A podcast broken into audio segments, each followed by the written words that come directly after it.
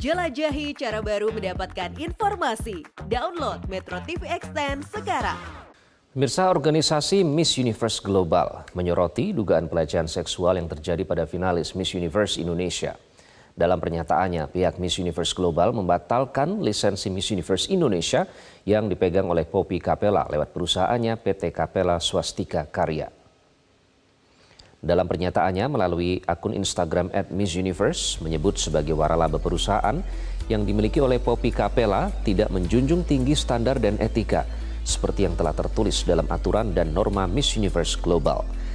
Selain membatalkan lisensi Miss Universe Indonesia, dalam unggahannya mereka juga menegaskan tidak ada pengukuran tinggi badan, berat badan, atau dimensi tubuh yang diperlukan untuk mengikuti kontes Miss Universe di Indonesia.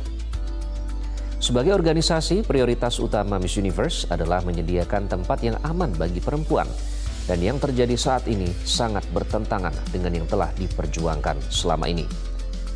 Organisasi Miss Universe akan melakukan pengaturan tersendiri untuk Fabian Nicole yang sudah dinobatkan sebagai Miss Universe Indonesia 2023 untuk berkompetisi dalam ajang Miss Universe di El Salvador pada November mendatang.